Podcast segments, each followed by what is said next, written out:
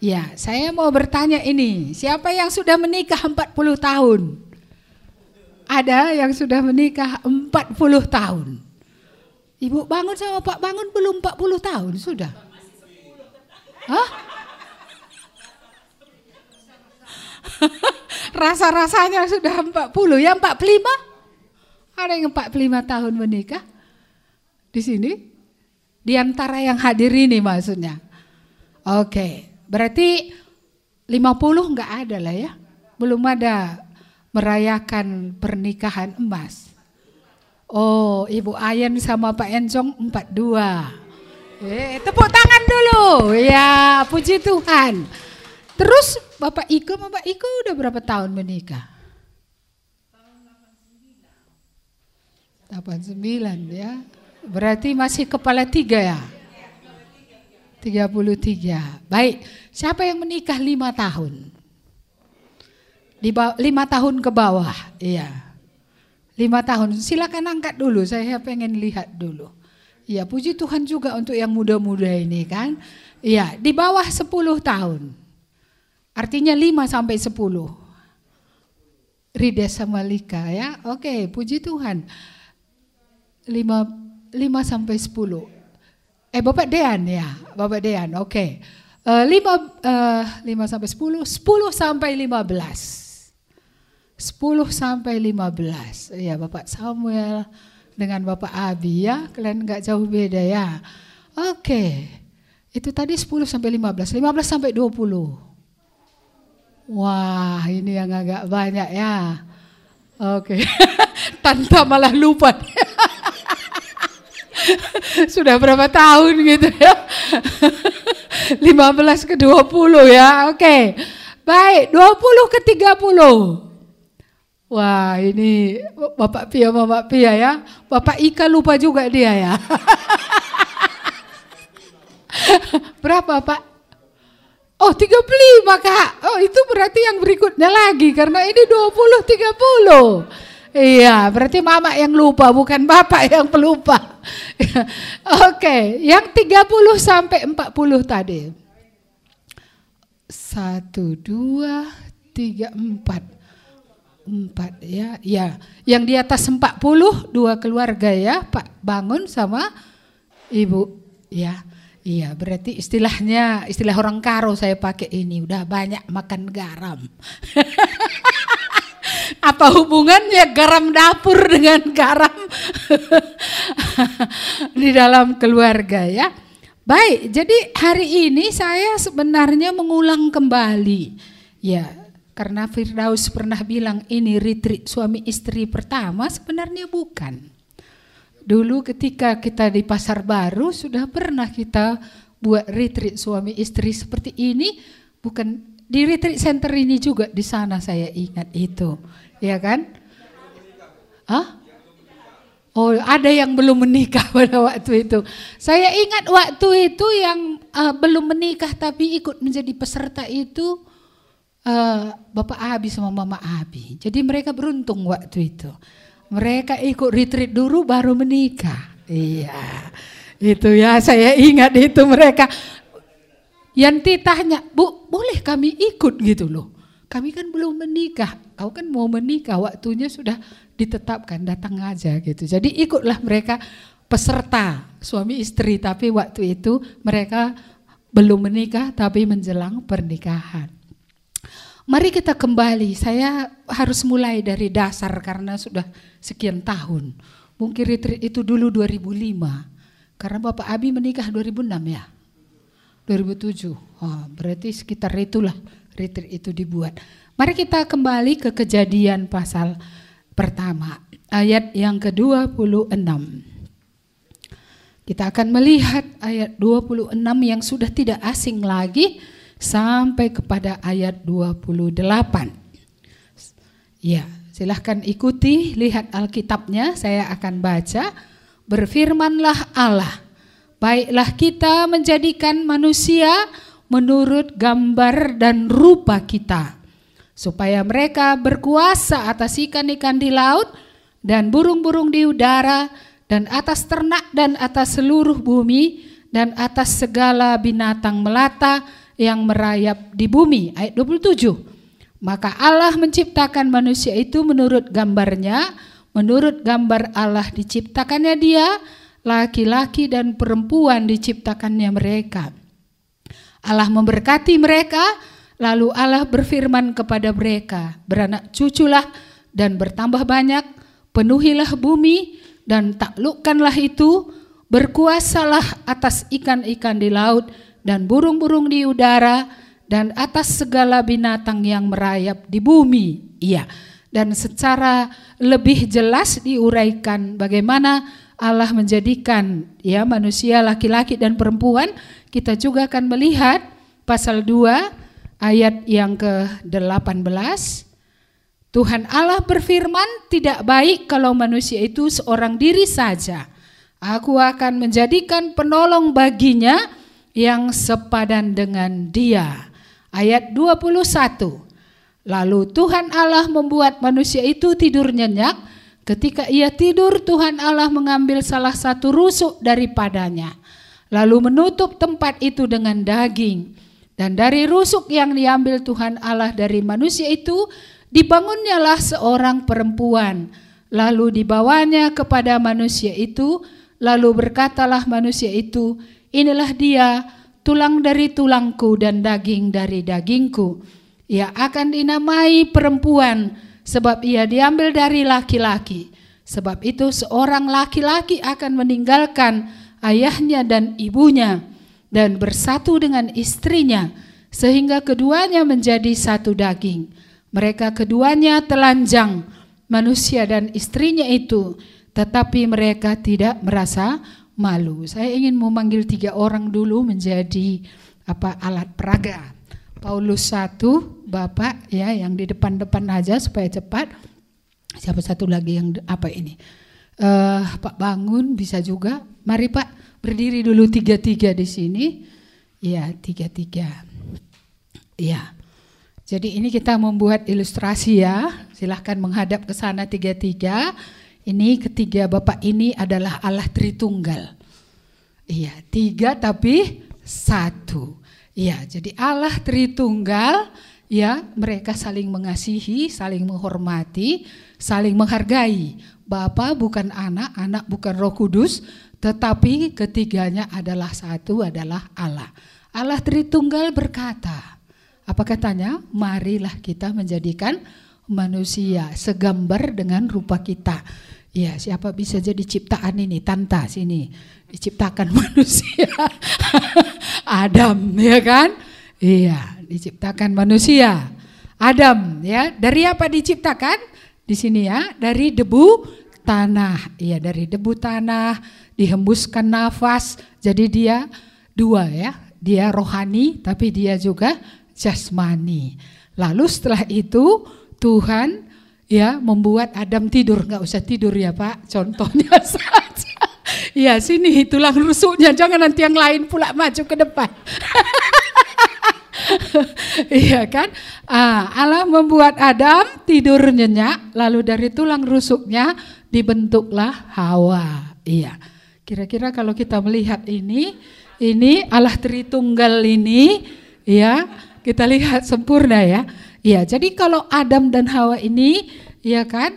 Hawa tadi diberikan kepada Adam, ya kan? Adam menerima Hawa dari Tuhan. Kayaknya orang ini kurang lengkap. Kalau Allah tidak hadir di tengah-tengah mereka, iya, maka ini kurang lengkap. Jadi harus ada Allah hadir di tengah-tengah mereka. Udah sama dengan itu ya? Sama ya? Iya, kalau mereka berdua ini kurang, ada yang kurang. Gak bisa ini. Iya, gak bisa. Ya, maka kalau keluarga hanya mereka berdua saja, kamu tahu apa yang terjadi? Iya. Makanya harus ada Tuhan di tengah keluarga itu baru dia sebenarnya seperti mirip dengan gambaran Trinitas itu ya. Iya. Tetapi satu. Ini pun Allah suami dan istri dan kita melihat ini adalah satu keluarga. Yang heran kita ketika Adam masih sendirian, kenapa iblis nggak pernah mencobai dia? Tidak baik dia sendiri. Maka Tuhan bilang, kujadikan penolong bagi dia. Tapi ketika dia sendiri, kenapa nggak jalan-jalan iblis ke Taman Eden? Tapi justru setelah seorang laki-laki ya menerima Hawa dari tangan Tuhan dan Hawa sadar betul dia dibawa ke samping Adam, ya kan? Setelah rumah nikah ini terbentuk, keluarga ini terbentuk, di situlah kita lihat si perusak mulai datang. Ya dia memakai ular. Ya nggak tahu siapa nanti ular yang mau meruntuhkan kami ya. Tapi dia datang memakai ular meruntuhkan. Jadi kejatuhan manusia pertama jangan kita lihat itu kejatuhan manusia saja. Itu kejatuhan keluarga pertama yang diciptakan oleh Tuhan. Jelas ini ya. Terima kasih ya untuk jadi alat peraga. Silahkan duduk. Terima kasih. Iya.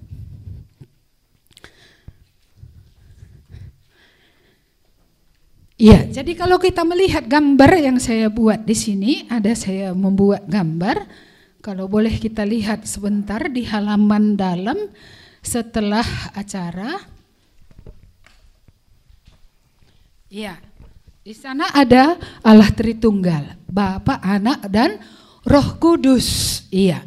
Bapa, Anak, Anak dan Roh Kudus ini setara ya, sama-sama Allah, tetapi tiga tapi satu adanya. Ya, memang sedikit berbeda tentu dengan gambar Allah suami dan istri karena Allah adalah Allah, suami dan istri adalah manusia yang diciptakan oleh Allah. Iya. Yang pertama tadi diciptakan adalah laki-laki ya. Iya. Dan yang kedua diciptakan adalah Hawa. Iya, dan ini yang berbeda dari banyak pernikahan yang ada. Ini sekaligus kita bisa mereview pernikahan yang ada. Pernikahan ini adalah rencana Tuhan. Tuhan yang menjadikan Hawa ya dan memberikannya kepada Adam. Dan Adam melihat ya Hawa yang dijadikan oleh Tuhan, dia tahu inilah tulang dari tulangku, ini daging dari dagingku. Dia menerimanya sama tulang kami, sama daging kami. Kami sama-sama rohani dan jasmani. Iya, kalau Allah kan tidak jasmani. Dia adalah roh dan dia harus disembah dalam roh dan kebenaran. Ya, jadi kita melihat di sini bahwa Allah yang menyatukan ya, baik ya keluarga yang pertama ini. Jadi kalau kita sedikit mereview, merenungkan, apakah aku sampai dulu ketika menikah meyakini bahwa ini pernikahan dari Tuhan. Ah, ini yang yang ya saya bersyukur ada cukup banyak orang muda yang menikah ketika sudah bertobat. Menikah setelah ya mengalami kasih Tuhan dalam hidupnya. Tapi ada banyak generasi yang terdahulu atau mungkin generasi yang ada ini pun entah masih ada yang menikah nggak pernah karena Tuhan. Dan nggak pernah juga untuk Tuhan nggak pernah. Ya karena Tuhan pun enggak. Kenapa menikah? Ih kalau kita nggak menikah nikah nanti ditanya orang kita kenapa kau nggak menikah nikah nggak laku kau ya Ya kan ini yang banyak kalimat dari orang. Jadi ada orang menikah karena takut nggak laku. Iya, saya dulu ada jemaat di Kuala, jemaat kita juga. Dia rupanya dia menikah itu hanya karena rasa malu. Karena nggak tahan dia ditanya-tanya orang selalu. Kenapa kau belum menikah? Terakhir dia berpikir gini, menikah saja aku. Nanti aku bercerai dengan dia, kan statusku sudah pernah menikah. Serem. Dan saudara tahu ketika dia menikah, mungkin entah bodohnya atau kayak mana dia hamil. Apa dia pikir kalau dia menikah, lalu meninggalkan ayah ibunya tadi bersatu dengan istrinya nggak bisa hamil. Hamillah dia. Ketika dia hamil kebenciannya kepada suaminya makin bertambah. Dan dia ingin bukan saja untuk pisah dengan suaminya, tapi dia ingin membunuh anak ini. Jadi ketika anak itu dalam kandungan banyak disakitinya. Ketika lahir, sudah lahir diserahkan oleh bidan kepada dia, dia cekek anak itu. Untunglah ada saudaranya di situ merampas anak itu dan bilang, jikalau kau tidak mau anak ini, aku yang akan membesarkannya. Ya serahkan sama aku anak ini. Seperti itulah saudaranya berkata kepada dia. Jadi waktu saya ngomong dengan dia, saya ngerti begini rupanya orang. Gak semua orang menikah karena cinta juga. Cinta pun enggak.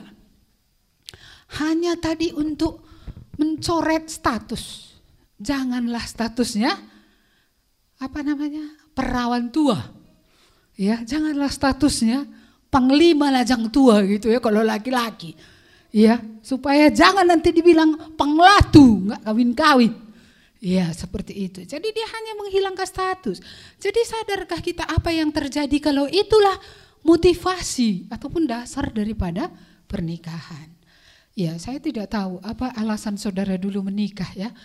Dijodohkan mungkin ada juga dicoles dipelet ya. Cantik kurasa katanya ambilnya jampi-jampi. Pakai rokok ya. Iya ngikut. Terakhir dinikahi gitu ya kan? Iya. Ya itu yang ekstrim-ekstrim itu. Yang pakai coles-coles pakai kuasa gelap gitu ya. Ya tapi mungkin ada juga orang menikah karena cinta. Apa itu cinta? Iya. Cinta cinta yang mana ini? Cinta eros? Cinta agape? Atau cinta pilihan cinta mana yang sering menggerakkan orang menikah Eros ya yang sering. Iya. Jadi akhirnya apa yang terjadi dalam rumah nikah itu. Kalau karena kuasa gelap tadi menikah, saya yakin rumah itu rumah nikah itu panas itu nggak ada damai sejahtera. Berantemlah terus itu. Ya, bahkan kalau menikah karena cinta pun kalau erosnya cuman seberapa lama kin eros itu ternikmati. Seberapa lama itu saja ya sehingga tidak menimbulkan masalah. Karena cinta berahi hanya satu bagian daripada hidup pernikahan. Ada banyak sisi-sisi lain dalam pernikahan itu. Jadi kalau yang ini saja sementara yang lain itu ya tidak terpenuhi apa yang terjadi. Ya ini juga akan mengakibatkan perang teluk juga. Iya, jadi kita melihat di sini uh, saya memang ingin meletakkan kembali dasar pernikahan tadi. Sama seperti Allah Tritunggal, saling mengasihi. Sebenarnya itulah keinginan Tuhan untuk menciptakan keluarga. Ya, untuk benar-benar saling mengasihi, untuk benar-benar saling menghormati. Ya, untuk benar-benar memiliki ya uh, menghargai satu dengan yang lain supaya gambar Allah, image daripada Allah itu, itu akan kelihatan. Bagaimana Allah itu sebenarnya? Sebenarnya keluarga adalah lembaga yang diciptakan oleh Tuhan, yang Tuhan mau pakai untuk apa? Merefleksikan bagaimana sebenarnya Allah itu, bagaimana sebenarnya ya gambar daripada Allah itu yang sebenarnya. Itu sebenarnya ya maksud daripada Tuhan. Tapi kalau tadi motivasi pernikahan ini tadi bukan Tuhan, kan pastilah gambar itu juga tak nampak.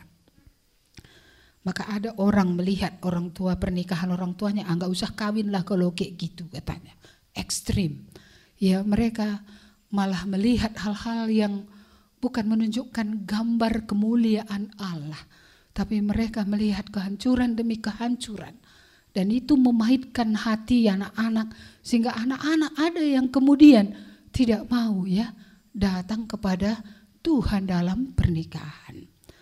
Jadi saudara-saudara yang dikasihi Tuhan, ya inilah patron Allah Bapa, Allah Anak, Allah Roh Kudus adalah patron ya bagaimana Allah Tritunggal itu bisa satu bisa ya Allah anak itu melakukan bagiannya untuk kemuliaan Bapa. Roh Kudus juga melakukan bagiannya untuk menjadi kemuliaan Bapa dan juga untuk kemuliaan anak, kemuliaan Yesus Kristus. Bukankah segala yang dilakukan Roh Kudus adalah untuk memuliakan Allah dan untuk memuliakan Yesus? Untuk itulah dia telah datang ke dalam dunia.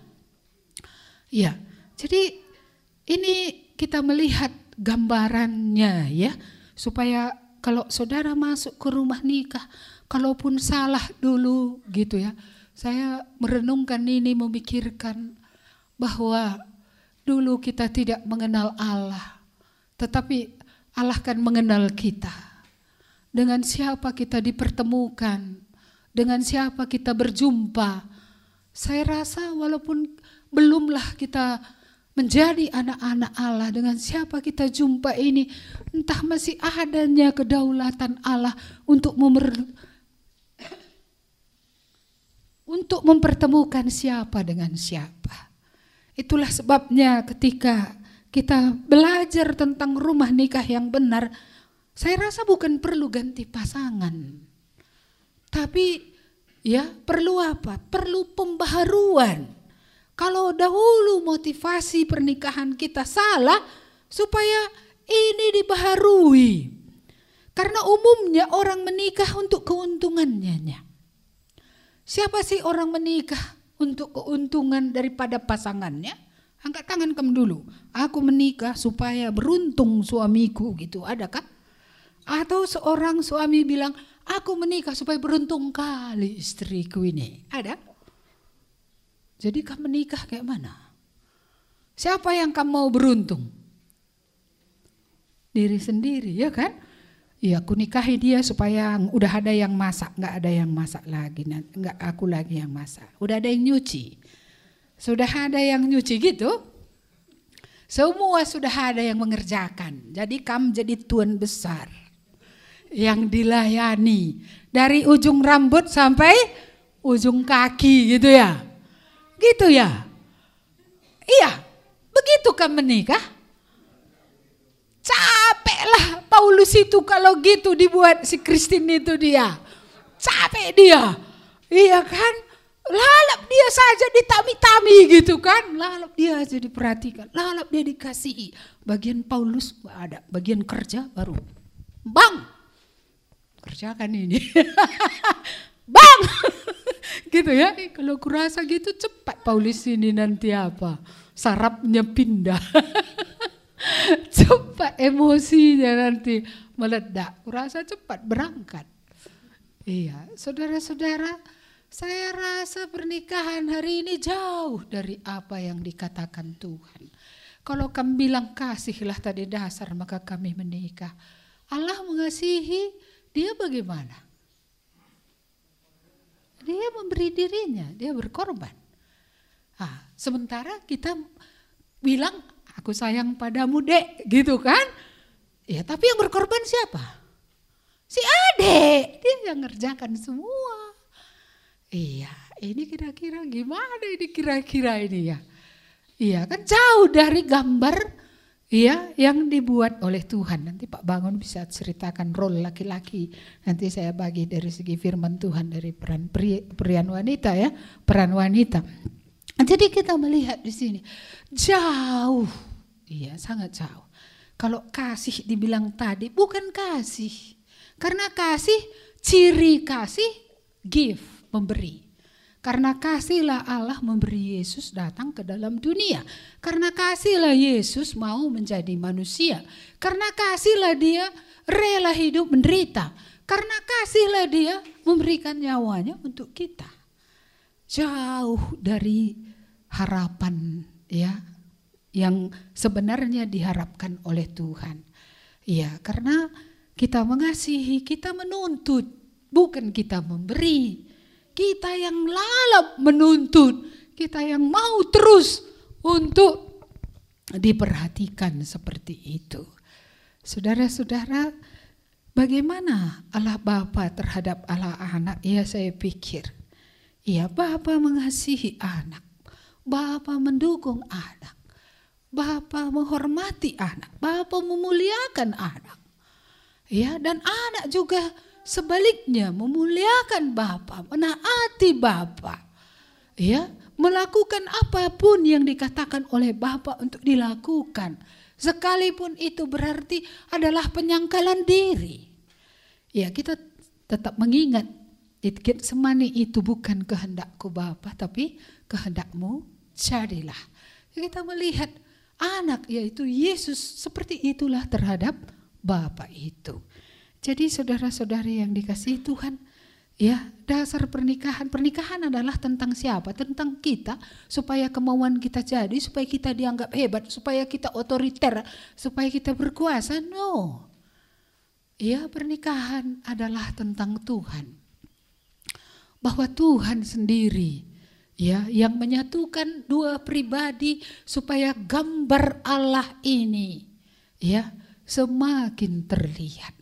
Karakter Allah akan semakin terlihat di dalam keluarga yang diciptakan oleh Tuhan itu. Iya, Allah mau supaya ini makin terlihat.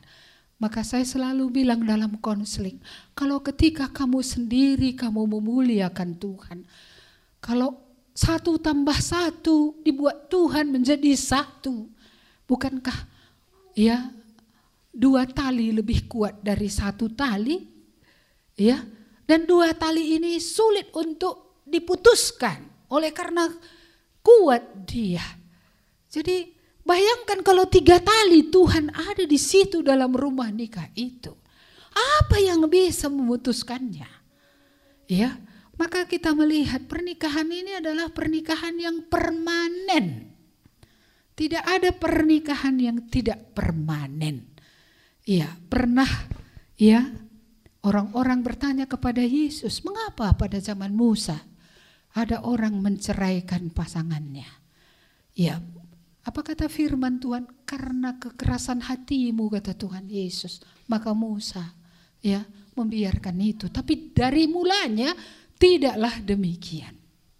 Pernikahan dari mulanya adalah permanen sampai kematian memisahkan. Saya menulis kembali di sini janji nikah. Bisa saudara lihat pada halaman yang dibalik yang tadi ada janji pernikahan di situ. Ya, ini me, apa namanya mengingatkan lagi janji saudara di hadapan Tuhan. Apa dulu janjinya? Ya kan? Di hadapan siapa? Hah? Di hadapan ular? Di hadapan Allah, sidang jemaatnya, mungkin ular nengok-nengok juga dari luar. Iya kan? Ini ini udah berjanji dia di hadapan Allah. Di hadapan orang-orang percaya. Awas kau ya. Nah, seperti kuhancurkan keluarga yang pertama itu, kau juga mau kuhancurkan. Mungkin gitu dalam pikiran iblis. Ini saya hanya mereka-reka saja ini. Tapi karena dia sudah merusakkan pernikahan pertama, maka rekaan ini saya rasa benar. Dia akan merusakkan juga rumah nikah yang yang di situ ada Tuhan. Kalau di situ nggak ada Tuhan, ngapain dirusakkan? Sudah rusak kian kok. Kan sudah rusak, nggak ada Tuhan di situ. Ya kan? Memang rumah nikah itu tanpa Tuhan kayak kan nggak mungkin apa namanya ya seperti yang firman Tuhan katakan akan menjadi satu nggak mungkin. Ya jadi itu tak perlu dirusakkan. Yang dirusakkan itu adalah yang di situ ada kehadiran Tuhan. Janjinya dulu apa? Saya menyebut nama diri ya, mengambil engkau, Sianu menyebut nama pasangannya ya menjadi istri kalau dia laki uh, suami yang mengucapkannya, kalau istri yang mengucapkannya menjadi suami ya kan begitu ya. Yang sah dan satu-satunya mulai kapan?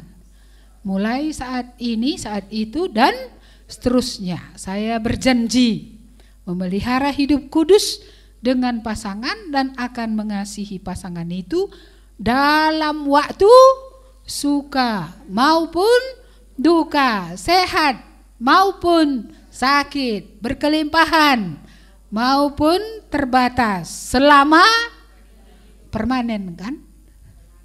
Sampai kapan? Sampai napas saudara terakhir. Iya, tidak ada yang dapat memisahkan saudara ya dari pasangan itu. Tapi saya tetap mengingat bahwa tadi ada Tuhan di situ. Ya, kalau Tuhan tidak ada di situ, saya bawa alat peraga juga ini.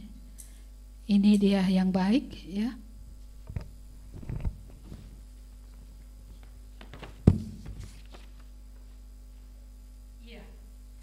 Ini rumah nikah bocor. Ada satu dari antara ya suami istri ini yang bocor. Dia tidak memiliki hubungan dengan Allah. Maka apa yang terjadi? Si ular akan masuk dari sini. Ya, ular mencari yang paling lemah di Taman Eden. Ya, dan mungkin lebih lemah kali Hawa ya. Karena dia tidak berpegang pada firman Tuhan. Ya, silahkan kamu di sini jadi apa? alat peraga. kamu bisa tunjukkan. Iya. Jadi kita melihat di sini tadi bagaimana ya bocor dari pihak Adam dari pihak suami. Tidak bertobat, tidak ada firman Tuhan. Ya, seperti kisah kita inilah kan ada yang nggak bisa hadir ya. Kenapa nggak bisa hadir jam 11 malam pulang mabuk? Kira-kira di mana posisinya ini? Saya rasa di bocornya ini tadi. Tidak ada Tuhan, asal ada masalah panik, asal ada masalah perasaan naik ke atas, asal ada masalah ya tidak bisa menguasai diri karena Tuhan tidak ada di situ. Akhirnya pelariannya ke mana? Ke mana-mana.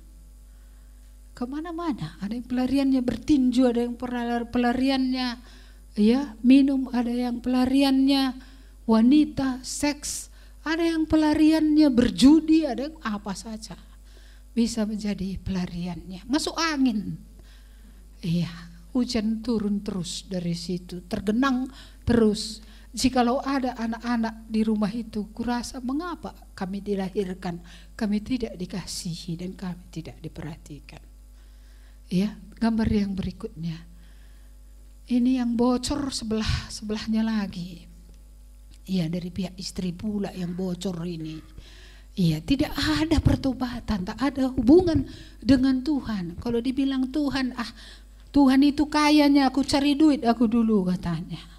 Iya seperti itu. Tidak ada Tuhan utama apa pun itu Tuhan dulu. Ya karena Tuhan yang menciptakan aku, Tuhan menciptakan pernikahan. Tuhan yang mati bagiku, nggak ada itu sama dia. Bocor lagi dari situ.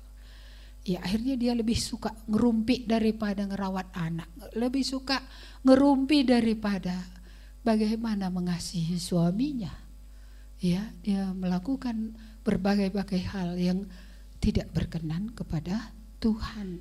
Iya. Satu gambar lagi saya rasa bagaimana dengan gambar ini kalau bocor keliling? Hah? ini bocor keliling ini.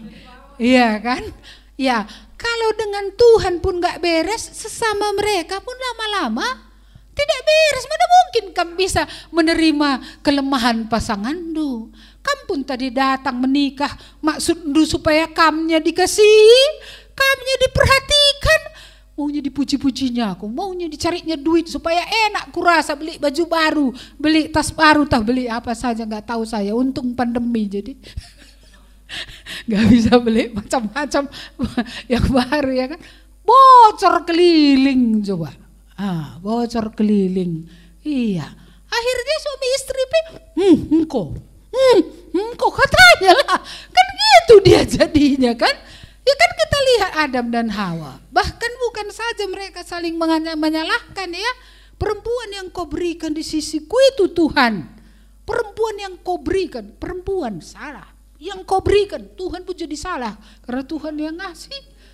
Ah, Tuhan yang ngasih ya kan. Iya, serba salah, semua jadi disalahkan.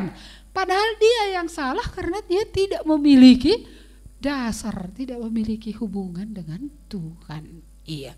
Ya, saya bayangkan keluarga seperti ini kacau balau lah.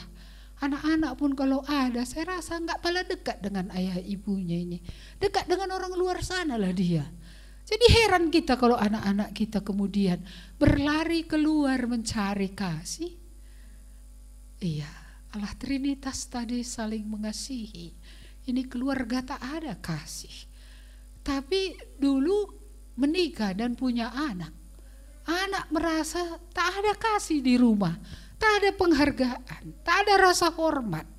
Belas kasihan pun tak ada, apa pun tak ada. Lalu anak ini bukankah dia menyesal? Mengapa aku harus hidup? Entah lebih baik tadi aku tidak usah hidup. Bukankah kita ada juga gitu ya? Mengapa orang tua aku harus melahirkan aku? Dia hanya tahu melahirkan aku, tapi gak ada buat apa-apa sama aku. Iya, baik. Kalau kita lihat tadi empat gambar ini, saudara gambar yang mana? Coba belum Litna, jangan dulu pergi. Iya, apakah saudara gambar yang ini? Iya, gambar yang ini kah saudara? Iya, hubungan dengan Tuhan ada, dari pihak suami, dari istri juga ada, di antara mereka juga baik, anak merasa senang di dalam, nyaman.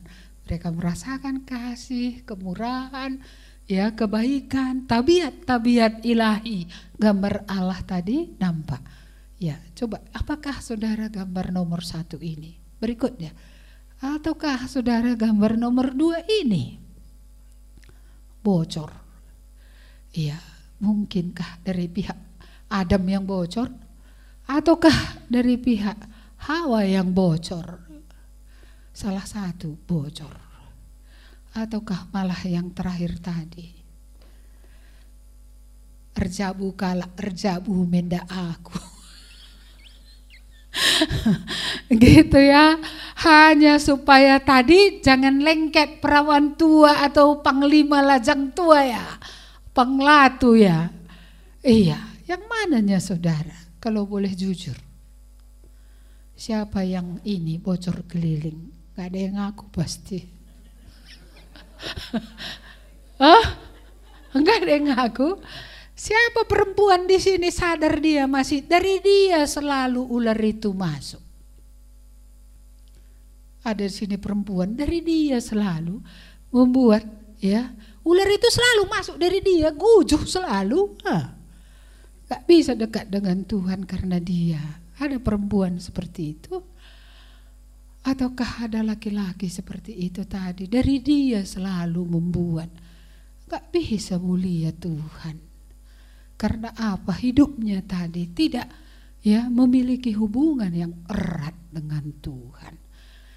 Rumah nikah tadi di situ pun Adam, di situ pun Hawa. Kalau nggak ada Tuhan di situ, itu nggak akan bisa memuliakan Tuhan.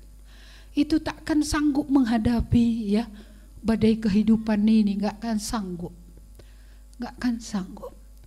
Ya kita pernah mendengar lagu itu ya orang pandai membuat rumahnya di atas batu. Ketika hujan turun, banjir datang, rumah itu tetap kokoh. Dengan apakah itu disamakan oleh Tuhan? Dengan orang yang mendengar firman Tuhan dan melakukannya. Dia bisa melakukannya karena dia punya hubungan dengan Tuhan. Tapi kalau orang mendirikan rumahnya di atas pasir. Itu artinya apa? Dengar firman Tuhan, sama-sama banjir. Tapi yang ini tidak akan bertahan karena Tuhan tidak ada di situ dan firman Tuhan tidak dilakukan dalam rumah nikah itu. Jadi hari ini walaupun saudara nggak agak malu sedikit angkat tangan, nggak apa-apa. Tapi saya rasa Maria ketika Tuhan memisahkan kita dari kerumunan orang banyak untuk datang ke hadapan Tuhan supaya kembali lagi kita. Sudahkah aku menerima pasanganku itu dari Tuhan? Karena apa pun alasannya dulu, ketahuilah Allah yang berdaulat itu tidak kebetulan mempertemukan saudara dengan pasangan saudara. Dan Tuhan mau rumah nikah itu dibaharui, bukan ganti pasangan yang perlu, enggak, enggak perlu. Yang perlu adalah rumah nikah ini dibawa kembali kepada Tuhan. Salah satu uh, ya keluarga kita yang sudah dipanggil Tuhan pada waktu Covid itu ya, saya selalu mengingat apa yang dia katakan. Aku menyesal menikah. Aku menyesal menikah, Bu. Iya. Kayak mana mau ku bilang? Berarti Mungkinkah itu salah lalu ganti pasangan? Saya rasa bukan. Bukan itu yang perlu, tapi apa yang perlu? Kembali kepada firman Tuhan. Ya. tidak baik tadi laki-laki seorang diri, maka Tuhan menjadikan penolong baginya. Dan terus menerus saya ingatkan dalam konseling, Tuhan tidak membuat dari tanah yang lain, tapi dari tulang rusuk yang sudah ada, supaya bahannya sama, supaya tidak ada dari pasangan itu mengatakan nggak cocok. Iya, karena terjemahan bahasa karo daripada inilah dia adalah enda maka engkau cocok. Iya, jadi kalau Tuhan bilang cocok, beranikah kita bilang lah cocok? Ya, kalau Tuhan bilang inilah dia diberikan kepadanya dan Adam sendiri mengakui ininya baru cocok. Kenapa kalau awalnya dia bilang itu cocok kemudian nggak cocok lagi karena tidak seperti yang dia mau? Bukankah banyak orang bercerai karena begitu? Awalnya cocok rasanya, kemudian gue melala pandangan nah sudah banyak rasanya hal-hal yang ya dia rasa ini kurang, ini kurang, ini kurang. Saudara ketika Tuhan mempertemukan Adam dan Hawa, ya mereka masing-masing sempurna. Agak beda juga dengan rumah nikah yang ada hari ini. Karena hari ini orang-orang yang dipertemukan Tuhan itu bukan orang sempurna. Itu orang berdosa yang beroleh kasih karunia, bukan orang sempurna. Ya, bukan seperti Adam yang belum jatuh dalam dosa dan bukan seperti Hawa yang jatuh dalam dosa. Eh, yang belum jatuh dalam dosa. Tapi ya, laki-laki yang ada hari ini adalah laki-laki yang dilahirkan di dalam dosa, dibesarkan dalam dosa, ya, dan menerima anugerah kalau dia sudah mendengar tentang Tuhan Yesus dan benar-benar menerima pengampunan di dalam Tuhan Yesus. Dia orang berdosa yang diampuni, laki-laki orang berdosa diampuni, perempuan orang berdosa diampuni. Dua pribadi, ada Tuhan di situ menyatukan mereka. Tapi ini masih punya kelemahan, ini masih punya kelemahan. Lalu bagaimana? Kalau mereka tidak bersama Tuhan tiap hari, bagaimana mereka akan saling mengerti? Bagaimana mereka akan saling mengasihi. Bagaimana mereka akan berbeda, uh, menghargai perbedaan. Ya karena memang laki-laki bukan perempuan, perempuan bukan laki-laki. Sama seperti Bapak bukan anak-anak, bukan roh kudus. Ya, tapi di sinilah kita lihat masalahnya. Ya, memang sederajat, sama-sama diciptakan oleh Allah. Segambar dengan Allah, sama-sama bisa memiliki hubungan dengan Allah sama-sama ya menjadi alat di dalam tangan Tuhan, tapi tetap laki-laki adalah laki-laki, perempuan adalah perempuan. Mereka adalah dua pribadi yang sama, sederajat tapi berbeda. Ada bedanya laki-laki dengan perempuan.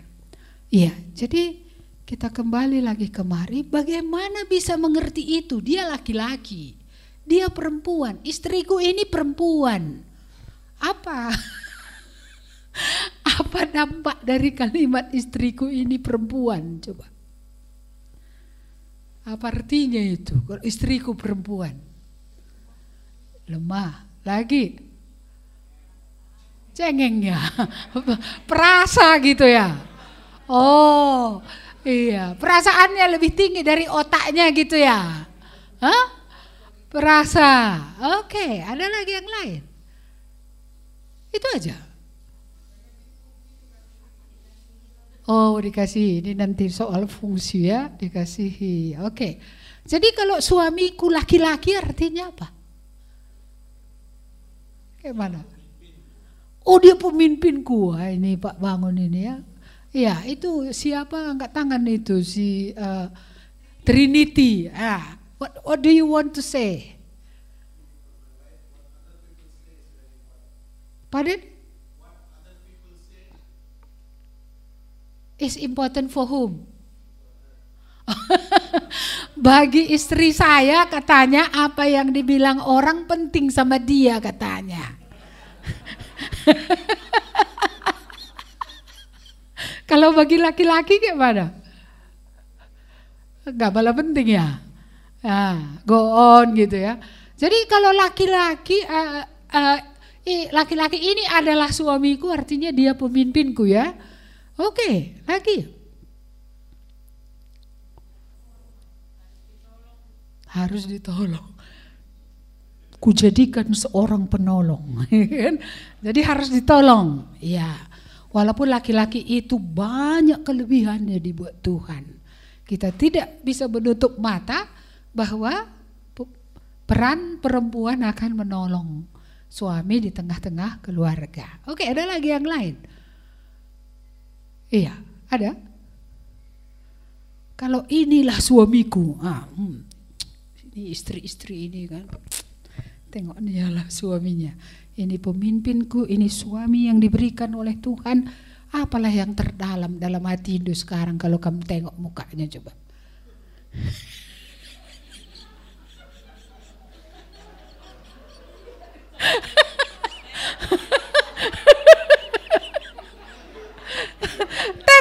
Dulu aja kira-kira apa yang terdalam bagi Hindu? Ya karena memang dia laki-laki, dia diciptakan berbeda dengan perempuan. Iya, kalau soal mengambil kesimpulan logika dia cepat, kalau mendetail-mendetail dia kurang. Karena itu memang bagian perempuan supaya bisa saling melengkapi. Iya, tapi bagian yang ini tadi penting nanti Pak Bangun yang teruskan itu ya. Dia pemimpinku. Sama seperti bagi jemaat Yesus itu juru selamat. Kamu juru selamat di tengah keluarga itu suami loh. Pernah nggak kamu lihat dia setinggi itu? Dia penyelamat di tengah keluarga itu. Iya, dia menguduskan istrinya. Iya, dia menguduskan jemaatnya. Jemaat itu bercela atau tidak bercela bergantung kepada dia. Perannya sungguh luar biasa. Dia akan menguduskan istrinya supaya istrinya tak bercela. Jadi kalau istri Hindu ini selalu cerewet, bercela terus ini berarti peran bapak-bapak ini nanti kita tanya kita tanya jawab lagi kan gitu ya. Iya. Iya. Dan kalau pemimpin itu tadi ya, dia nggak mau memimpin. Hmm. Diam dia terus. Dia mau diekor terus, nggak jadi kepala dia. Itu bukan salah laki-laki itu. Salah istrinya.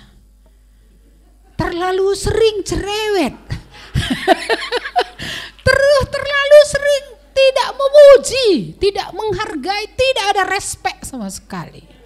Wah, ini istri-istri marah nanti sama saya ini ya. Tapi itulah dia. Maka kalau saya lihat laki-laki udah melempem gitu, endah gua apa pengusur rawai di Brunei. udah pasti nih sering apa ya, sering kali dia mengatakan sesuatu tak patah. Sehingga apa? Daripada gecek gome. Ya kan akhirnya diam-diam dan menjadi bodoh saudara-saudara. Dia menjadi bodoh. Padahal seharusnya kalau kita lihat Amsal 31 itu, suami dari orang yang takut akan Tuhan itu duduk di pintu gerbang. Itu artinya apa? Dia dihargai, dia dihormati. Karena di rumahnya pun dia meroleh penghormatan, penghargaan. Maka di pintu gerbang pun dia ditanyai orang. Nah, jadi kalau suami itu nggak pernah tanya orang, kamu pun nggak pernah kamu tanya dia. iya, iya, nggak kamu hargai. Padahal Tuhan mengangkat dia menjadi kepala, menjadi pemimpin, bukan imam saja ya yang bertanggung jawab secara rohani, tapi kepala seperti Kristus kepala atas jemaat. Ini udah terlalu melebar. Nanti saya ambil pula bahan khotbah Pak Bangun ya kan. Ya kita kembali ke dasar ini tadi dulu.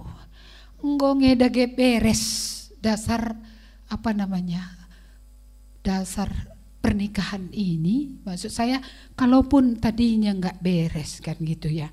Setelah sekian lama ada tadi yang menikah lima tahun, ada rejabu sepuluh tahun, ada dua puluh tahun, ada tiga puluh bahkan empat puluh tahun lebih tadi. Sudah paskah dasar pernikahan ini? Sudahkah letak hari ini karena Tuhan? Dulu memang Tuhan bukan karena engkau. Karena keinginanku, ya karena ini dulu tujuanku supaya aku beruntung ya apalagi dapat anak singalor lau kan di jujungnya pula gagatnya tuh ya. Ya itu bermacam-macam. Sebelum orang menerima Kristus. Kapan titik baliknya? Baiknya kamu sudah menerima pernikahan. Bahwa ini dari Tuhan. Anen sampai mati, nggak mau ditukar, ya, nggak mau ditukar. Tapi ini dari Tuhan. Pasti ada maksud Tuhan yang baik. Pasti ini yang paling tepat, ini yang cocok, yang dikuduskan oleh Tuhan yang cocok untuk aku gitu ya. Iya harus sampai kamu di situ. Kalau enggak nanti ada satu yang pernah saya layani sampai matinya. Menjelang kematiannya saya berulang kali ke rumah mereka untuk melayani, menyampaikan firman Tuhan. Dan dia bilang sampai matinya dia tetap menyalahkan istrinya untuk pernikahan itu.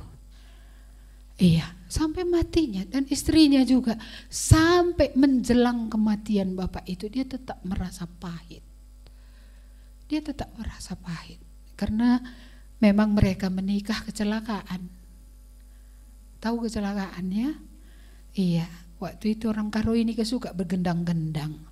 Pergilah ke kerja tahun nengok nonton. Iya, Rosari Rondong Sadawari betul itu. iya. Di situ jumpanya kok kayaknya seperti kerbau dicucuk hidung. Dia melakukan persetubuhan pada waktu itu. Dia punya pacar, pacarnya di Jawa.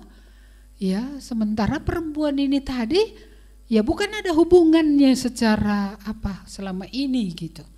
Dan ya karena perempuan ini tadi melapor sama keluarganya, keluarganya bawalah dia ke rumahnya Lalu akhirnya terpaksalah mereka dinikahkan karena sudah dirusakkannya anak orang. Iya, lalu pacarnya pasti itu dalam memorinya.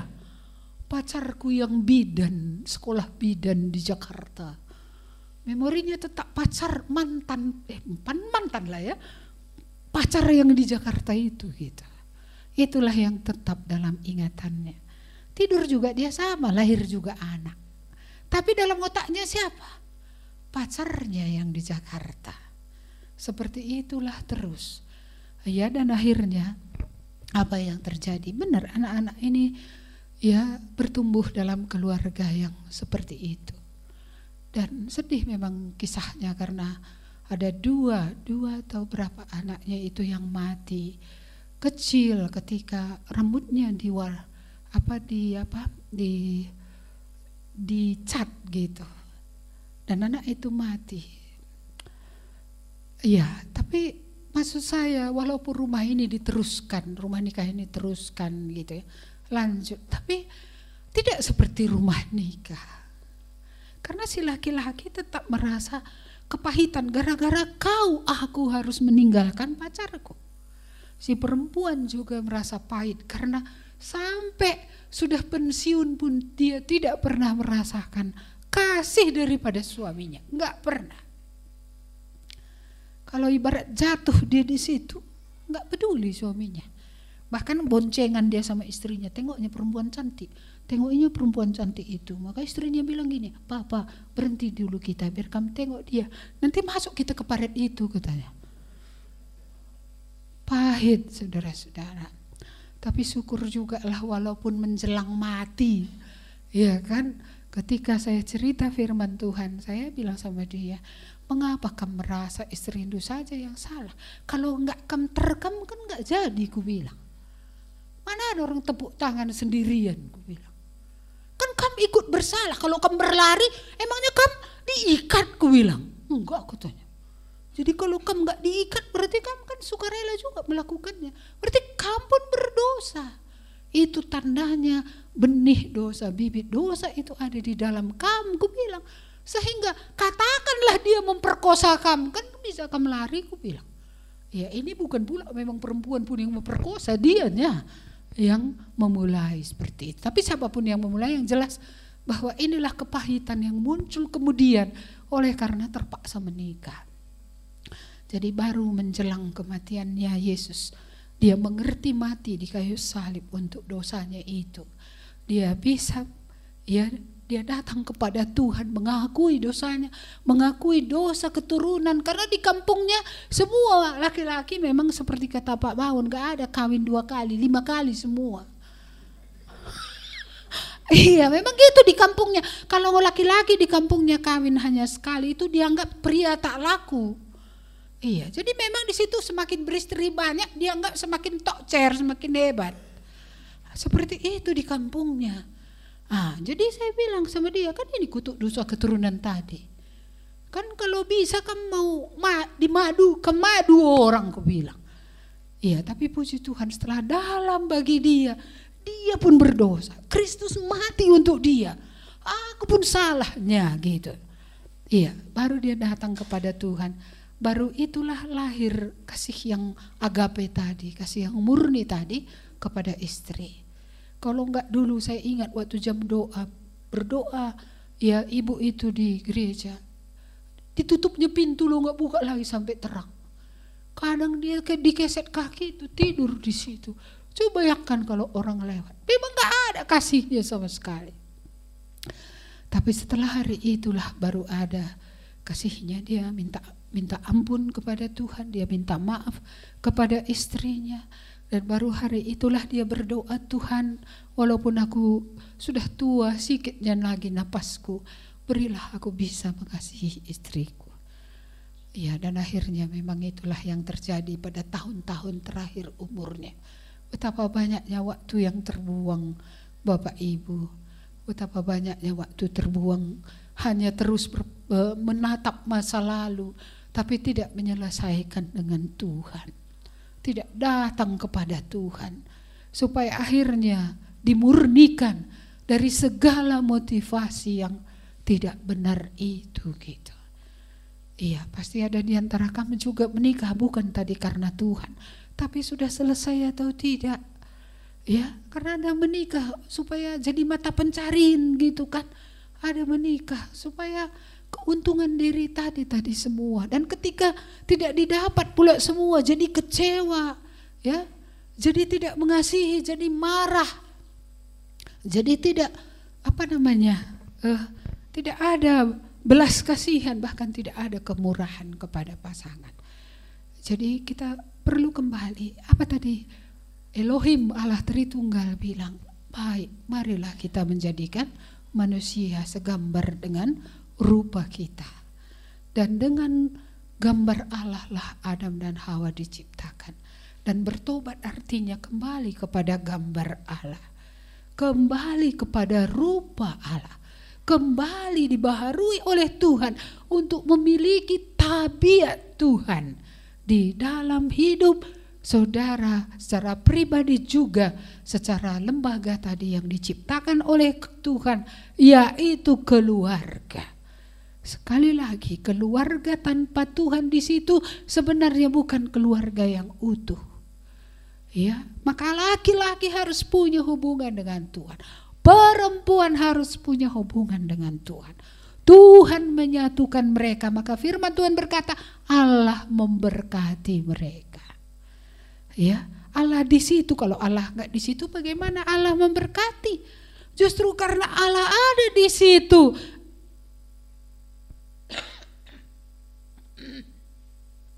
Dia memberkati mereka memberkati mereka sehingga gambar Allah itu terlihat, memberkati mereka sehingga mereka akan memiliki ya keturunan-keturunan ilahi. Keturunan ilahi itu seperti yang dikatakan kitab Maleaki, bukan keturunan lahiriah semata-mata tapi keturunan yang akan memuliakan Tuhan juga seperti mereka. Ya, Tuhan tidak puas dengan keturunan-keturunan lahir anak, lahir anak, lahir anak, tapi bukan ya anak-anak yang ilahi, anak-anak yang juga akan bertobat, anak-anak yang juga akan mempercayai Tuhan. Dan dengan melihat keluarga yang Tuhan ada di situ, suami istri itu, ya nggak mungkin gak ada gesekan karena sama-sama tadi tidak sempurna, tapi di dalam Tuhan belajar saling mengasihi, saling menerima, ya saling menghargai. Dan di situlah kita akan melihat ya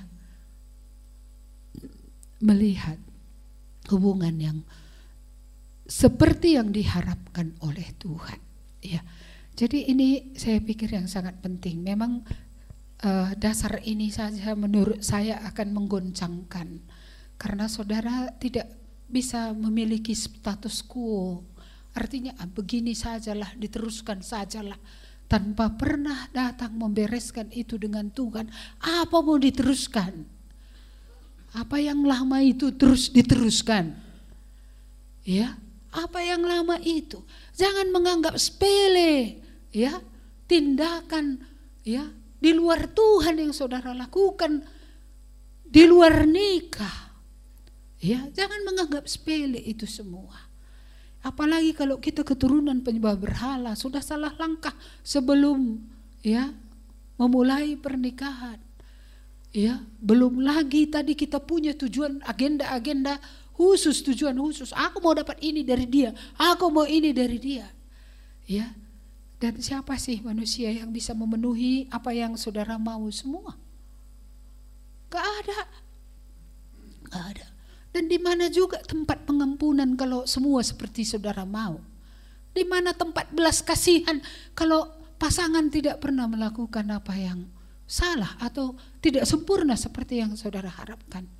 Di mana tempat ya anugerah? Kalau pasangan tidak pernah salah, saudara-saudara dia bisa salah, dia bisa lupa. Ya, kamu tadi bilang ini nanti gini buat ya, ya lupa dia Kok salah? Di mana tempat? Ya, anugerah, pengampunan. Ya, maka kembali kita ya ke sini tadi. Tuhan pencipta pernikahan. Keluarga itu ada bukan karena kita mau. Keluarga itu ada karena itu Tuhan mau. Saya mau tapi Tuhan gak mau kan gak jadi-jadi saya kawin. Saudara mungkin nggak mau, tapi Tuhan mau. Jadi jadilah saudara menikah kan begitu ya? Iya, jadi hargailah pernikahan yang direncanakan Allah bagi saudara. Ya, ini Allah merencanakan sehingga akhirnya saudara masuk ke dalam rumah nikah itu. Kalau ada tadi motivasi yang belum diluruskan, datang kepada Tuhan menyelesaikan itu. Kalau memang dulu karena kuasa gelap, minta ampunlah Tuhan memang kucoles dulu dia baru ku dapat. Tuhan memang jahat aku dulu ku perkosa dia dulu supaya mau dia kalau nggak nggak mau dia. Kan ini harus diselesaikan. Ya, kami memang melakukan ini dulu karena orang tua kami tidak setuju, begitulah kami buat dengan pikiran kami, dengan cara kami. Ini memang betul-betul harus dibawa kepada Tuhan. Jangan enggok-enggoken. Ya, karena itulah maka dasar pernikahan itu tidak teguh. Karena kita mau berjalan terus, membawa terus apa namanya ya, kotoran ini tadi terus dalam rumah nikah itu. Lalu kalau bawa kotoran terus mau rumah nikah kan, lalu akhirnya i janarin dembawe, janarin dembawe, janari kim. Ya kamu udah bawa-bawa bahasa. kan saudara yang bawa-bawa. Ke mana bu saudara pergi? Beraroma lah. Orang memang belum belum dibereskan, belum selesai. Ya begitu. Jadi tapi kadang kita kan mencari salah. Kam deh simbawe. Kam deh simbawe ini telalap. Padahal isi nirban sambau. Kita kita bawa tadi bau yang kita bawa itu belum kita datang kepada Tuhan untuk menyelesaikannya. Jadi perlu itu selesai ya. Iya. Ini udah mulai diam semua ini. Gimana ini? iya, perlu selesai kan? Iya, bagi yang belum, bagi yang sudah puji Tuhan. Iya kan? Iya. Jadi malam ini nanti habis uh, habis makan jagung bakar, saudara harus punya waktu khusus coba berdua saja. Ah, dulu kan sering pacaran berdua ya kan, share gitu kan. Tadi udah dibilang selama ini sibuk nengok mukanya pun tak sempat. Nanti malam saudara punya jadwal pacaran. Yeah, ya kan? Punya jadwal pacaran ini nanti malam. Habis makan apa jagung bakar kan gitu ya. Punya jadwal pacaran. Cobalah ya Cobalah kembali bercakap-cakap. Ambillah waktu berdoa berdua. Dungi kasih lenggak dung. Selesaikanlah apa yang belum selesai. Jangan nanti ya taik kerah-kerah di baju tadi bawa juga pulang. Pulang ke Medan bau lagi. Eh. Kami yang buat bau ini tadi kan katanya. Tanpa menyadari bajunya yang ada tai kerah-kerah di situ. Iya, jadi perlu ya benar-benar ini dibersihkan supaya rumah nikah tadi dibaharui. Kalau enggak lalap kamu karir tubil lalap eh. Gini nanti terus. Terakhir anak-anak pun katanya pula sama adiknya kan. Jadi rumah itu akhirnya penuh dengan apa? Perang. Iya, perang. Ya, siapa yang ingin rumah nikahnya dibaharui ini? Iya, ini mama apa? Paling angkat tangan dia ini, mama, mama apa? Mama uh, Andre, ya mama Andre ya. Iya, yang lain nggak mau kurasa ya. Iya, ini ya. Jadi perlu diselesaikan.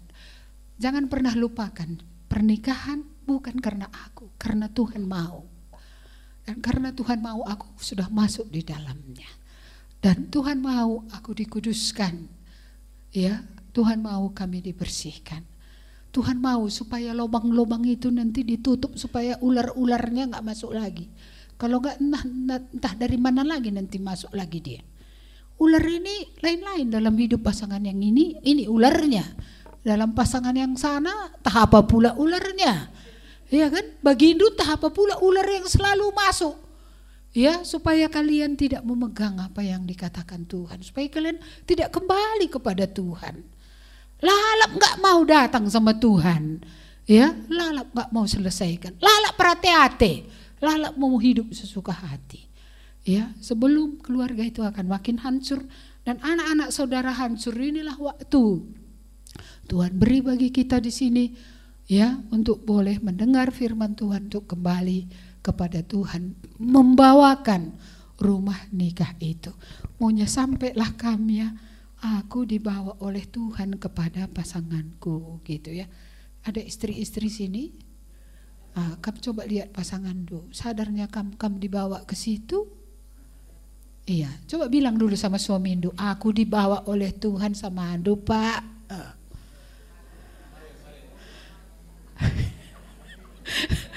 iya, Terus si suami bilang apa? Kualokan kambas Tuhan nari. Kamu ku terima dari Tuhan. Iya. Jadi kalau dari Tuhan kamu terima aturannya kan ya berharga kali itu. Ya kan? Dikasih itu ya. Iya. Iya, ku terima engkau dari tangan Tuhan karena ada yang nggak tahu bahasa karo di sini kan. I accept you from God's hand. Ku terima engkau dari tangan Tuhan. Udah sampai di situ barulah letak. Jadi Tuhanlah yang membawa aku ke sini. Tuhan yang ya dari Tuhan aku menerima pasanganku ini. Kamilah dua-dua ngenca, dia dua-dua kam papa ngekam kerye. Iya, gak boleh hanya berdua. Harus Tuhan hadir di situ. Iya, nggak boleh nggak ada Tuhan di situ. Allah, suami dan istri itu baru namanya rumah tangga. Kalau suami istri aja nggak ada Allah nggak rumah tangga ini. Enda tangga-tangga nge barangnya. Eh. Tapi kalau rumah tangga harus ada Allah di situ dan suami istri ya. Jadi jelas ini saya rasa dasarnya ini ya harus kembali ke sana. Kalau ada dulu motivasi yang salah, kalau hidup dengan dia aku nanti jadi kaya. Bendibata kerahlah kaya-kaya. Kan gitu ya. Aku ke situ supaya dikasihi. Eh, rembang galah perkeleng. Enggak dikasihi gitu ya kan. Motivasi tadi harus benar-benar kembali kepada Tuhan. Tuhan rupanya engkaunya menyatukan kami untuk kemuliaan lah pernikahan ini. Baharuilah kami sekali lagi. Sudah tua pun bisanya dibaharui. Sehingga anak-anak kita ini melihat teladan pernikahan kakek nenek ini itu tua-tua ini. Dia bersyukur kepada Tuhan. Bangga dia punya ya apa nenek moyang lah kita bilang orang tua kakek nenek yang benar-benar memuliakan Tuhan. Iya, dan generasi anak-anak kita ini akan melihat teladan dari rumah nikah rumah nikah yang ada di mana di situ Tuhan menjadi kepala, di mana di situ Tuhan menjadi pemimpin. Bukan saja Tuhan menyatukan dari awalnya, tapi Tuhan melanjutkan di situ memimpin keluarga itu. Baik, kurasa untuk season pertama ini cukup, cuma nggak ada jam, kita nggak bisa bilang waktu ya. Ya, sudah jam berapa? Lima kurang? Iya, ini berarti sudah satu pertanyaan cuman bisa dibuat. Ayo silahkan, kalau ada yang mau bertanya satu saja boleh. Adakah yang mau bertanya? Ya jangan malulah kan kita di sini supaya bisa kita terbuka satu dengan yang lain kan. Oh silahkan bang. Hmm.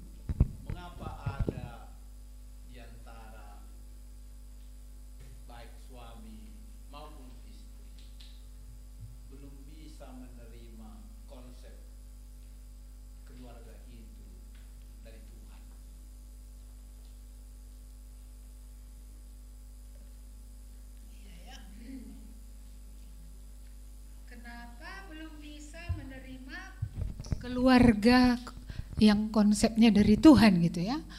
Kurasa karena kita banyak kali warisan kita ya. Siapa aja dulu ngajari kita tentang keluarga? Ada yang ngajari? Orang tua dulu pertama ya kan? Iya.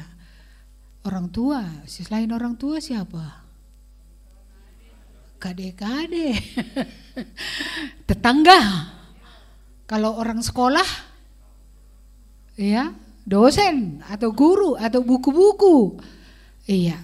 Jadi kenapa enggak dari Tuhan? Karena enggak pernah kita bertuhan. Dulu kita hanya bertetangga, berorang tua, bernenek moyang.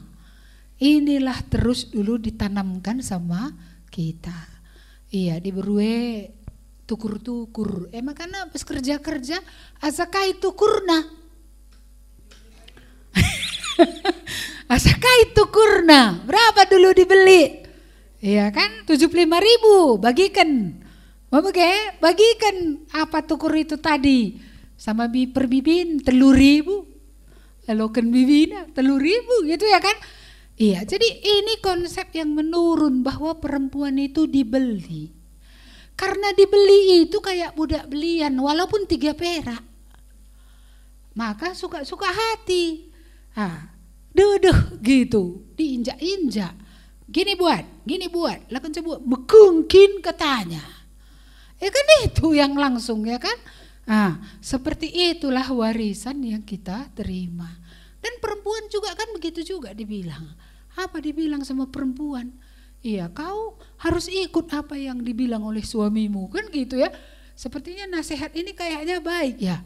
Tapi kita melihat di sini bahwa dari segi perempuan tadi nanti akhirnya dia nggak boleh lagi ngomong asal ngomong dosa. Salah dianggap dia kalau dia memberi masukan. Padahal inilah pasangan yang dipercayakan Tuhan.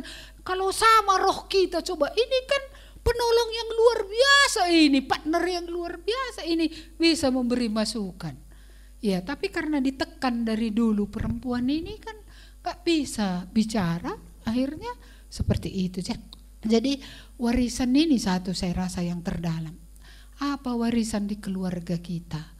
Ya ada keluarga gini, perempuan nukur baju pela baci, suruh ia sendiri darah misena. Jadi kayak mana? Nih belanja, mereka nasen belanja. Ada dulu maaf cakap bangun pula memang regam. Ma maaf ya Pak Bangun, bukan kan maksudku. Tapi ini ada marga bangun gitulah. Beli cendol pun istrinya harus catat. Bayangkan, ke mana uang itu kurang tadi 100 perak ini. Cendol dibeli, harus ditulis. Ini leader yang kayak mana ini coba. Iya, lebihan dari budak lah dibuat kalau kayak gitu. Huas haus istrinya beli cendol aja catat. Catat. Ayo sampai lengkap catatan itu. Jangan sempat selisih 100 perak. Eh, Aku kalau nengok ke, pernikahan kayak gitu kupikir yang kikiran lah si Mamun. Kikirnya minta ampun. Eh, padahal kalau keluarganya yang minta meluber dia tahu. Iya, turangnya minta sejuta. Pak, kasih. Lah sungkun-sungkun kapan balik? Istri beli cendol, catat. Wah, ada laki-laki kikir sini. Enggak ada ya, di luar sana ada, di sini enggak. iya, laki-laki sini bermurah hati semua sama semua sama istrinya ya. Wah, bagus bagus. Iya, kaiten mak laku tukur wah gitu ya. Paten ya kan. Ini. Jadi banyak ya warisan ini tadi sudah lengket kali, sudah lengket. Jadi inilah yang harus kita ditebus di sana.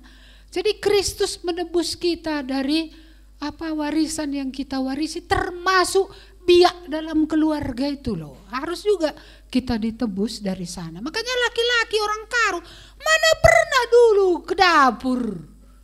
Sudah bertobat ini disuruh ke dapur dia marahinya pendetanya. Kau kini ajar kenduman di berungkuah makan. Aku pun harus ke dapur katanya. Ada loh pernah tua marahi saya dulu kayak gitu. Apa yang kamu ajarkan sama istriku itu? Kok udah berani dia menjawab katanya. Jadi mau dia kurasa istrinya dijarum saja lah. Dijahit saja lah bibirnya itu. Supaya jangan pernah dia memberikan masukan gitu ya. Memang Tuhan juga bilang istri jangan memerintah ya.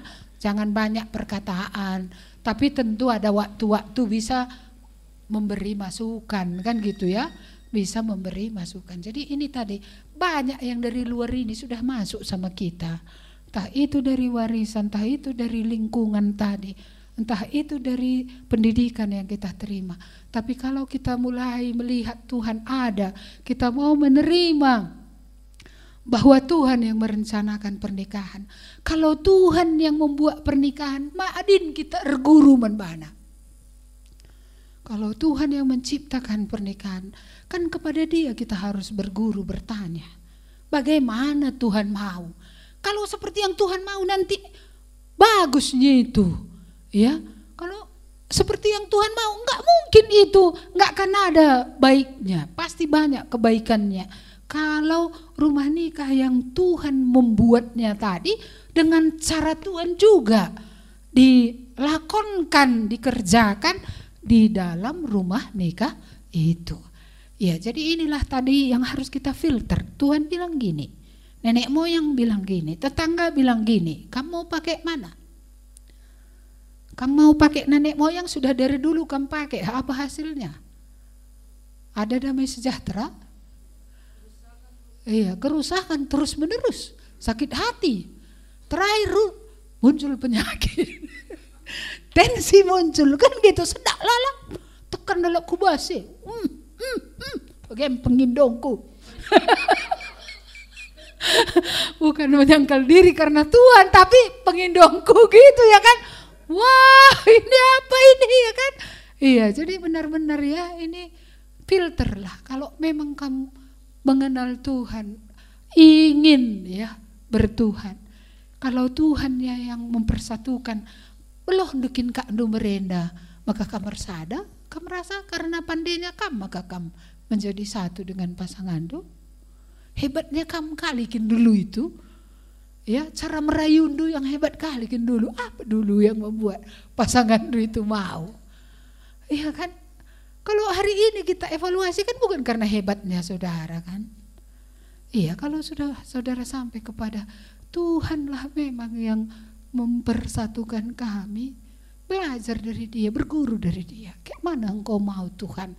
Ya supaya saudara, supaya kepala keluarga juga berkenan kepada Tuhan. Istri juga berkenan kepada Tuhan. Rumah nikah ini akan jauh lebih menyenangkan. Jauh apa namanya da, dalam memiliki damai sejahtera itu di dalam hidup mereka ada itu gitu ya dan pasti juga pasti banyak juga baik berkat rohani baik berkat jasmani juga pasti karena kan Tuhan menciptakan manusia roh dan tanah, tubuh. Kan bukan Tuhan memperhatikan tubuh saja atau roh saja. Kan dua-duanya diperhatikan Tuhan. Kalau nggak dua-duanya, kenapa Tuhan buat buah pohon-pohonan di Taman Eden? Kan bisa ah manusia roh saja, kata dibata saja, kan gitu kan.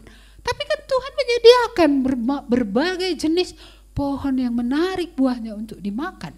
Jadi Tuhan memperhatikan rohnya dengan firman yang diberikan, tapi Tuhan juga memberikan ya untuk jasmaninya karena tubuhnya itu pun Tuhan yang ciptakan. Allah memperhatikan kedua-duanya. Jangan bilang Allah hanya memperhatikan rohaninya, spiritualnya saja, enggak. Allah memperhatikan jasmaninya. Di Taman Eden ada air, ada buah sebelum manusia diciptakan. Manusia justru diciptakan setelah semua itu ada. Sebelum itu ada manusia belum diciptakan. Hari terakhir manusia diciptakan. Lebih dulu itu semua disiapkan oleh Allah. Allah tetap Allah yang sama, yang tidak berubah. Dia ingin secara rohani kita benar. Tetapi juga dia menyediakan di Taman Eden dulu banyak buah pohon yang bisa dimakan dan air empat sungai di sana mengalir tak ada kekurangan air bagi Adam dan Hawa dan bagi kita juga pemeliharaan Tuhan sempurna sampai nanti kita dipanggil oleh Tuhan. Jadi sekali lagi ya pernikahan ini saya harap kita sudah sampai di sana ini karena Tuhan. Ini untuk kemuliaan Tuhan. Dijalani nanti dengan cara Tuhan dan Tuhan akan memberikan ya dukungannya, sukungannya, berkatnya karena dia ada dalam rumah nikah itu. Tapi kalau dia tidak ada di situ, tidak mungkin dia akan menopang, menolong, memberikan apa yang diperlukan. Jadi perlu suami tadi memiliki hubungan dengan Tuhan, istri memiliki hubungan dengan Tuhan. Hendaknya kamu lebih dekat dengan Tuhan pun daripada pasangan itu jauh lebih baik. Karena siapa pun yang dekat dengan Tuhan, mengasihi Tuhan akan mengasihi pasangannya. Tapi siapa dekat dengan pasangannya tapi tak dekat dengan Tuhan, cepat atau lambat itu nanti nggak akan ada lagi kekuatannya untuk mengasihi pasangannya. Ya, jadi harus God first, Tuhan yang pertama. Pasangan itu kedua. Ya, Tuhan pertama. Tapi kalau takut aku nengok istriku, terpaksa gini ku buat. Ah, Berarti istri pertama, bukan Tuhan pertama. Habislah nanti kekuatan lu. Terakhir ngamuklah kamu. Terakhir memberontaklah kamu. Terakhir gak tahan aku kayak gini. Gitu loh nanti jadinya kan. Tuhan harus pertama. Jadi nggak ada saya rasa istri-istri yang akan bilang, aku cemburu samamu pak, kau dekat kali dengan Tuhan. Kata nggak ada.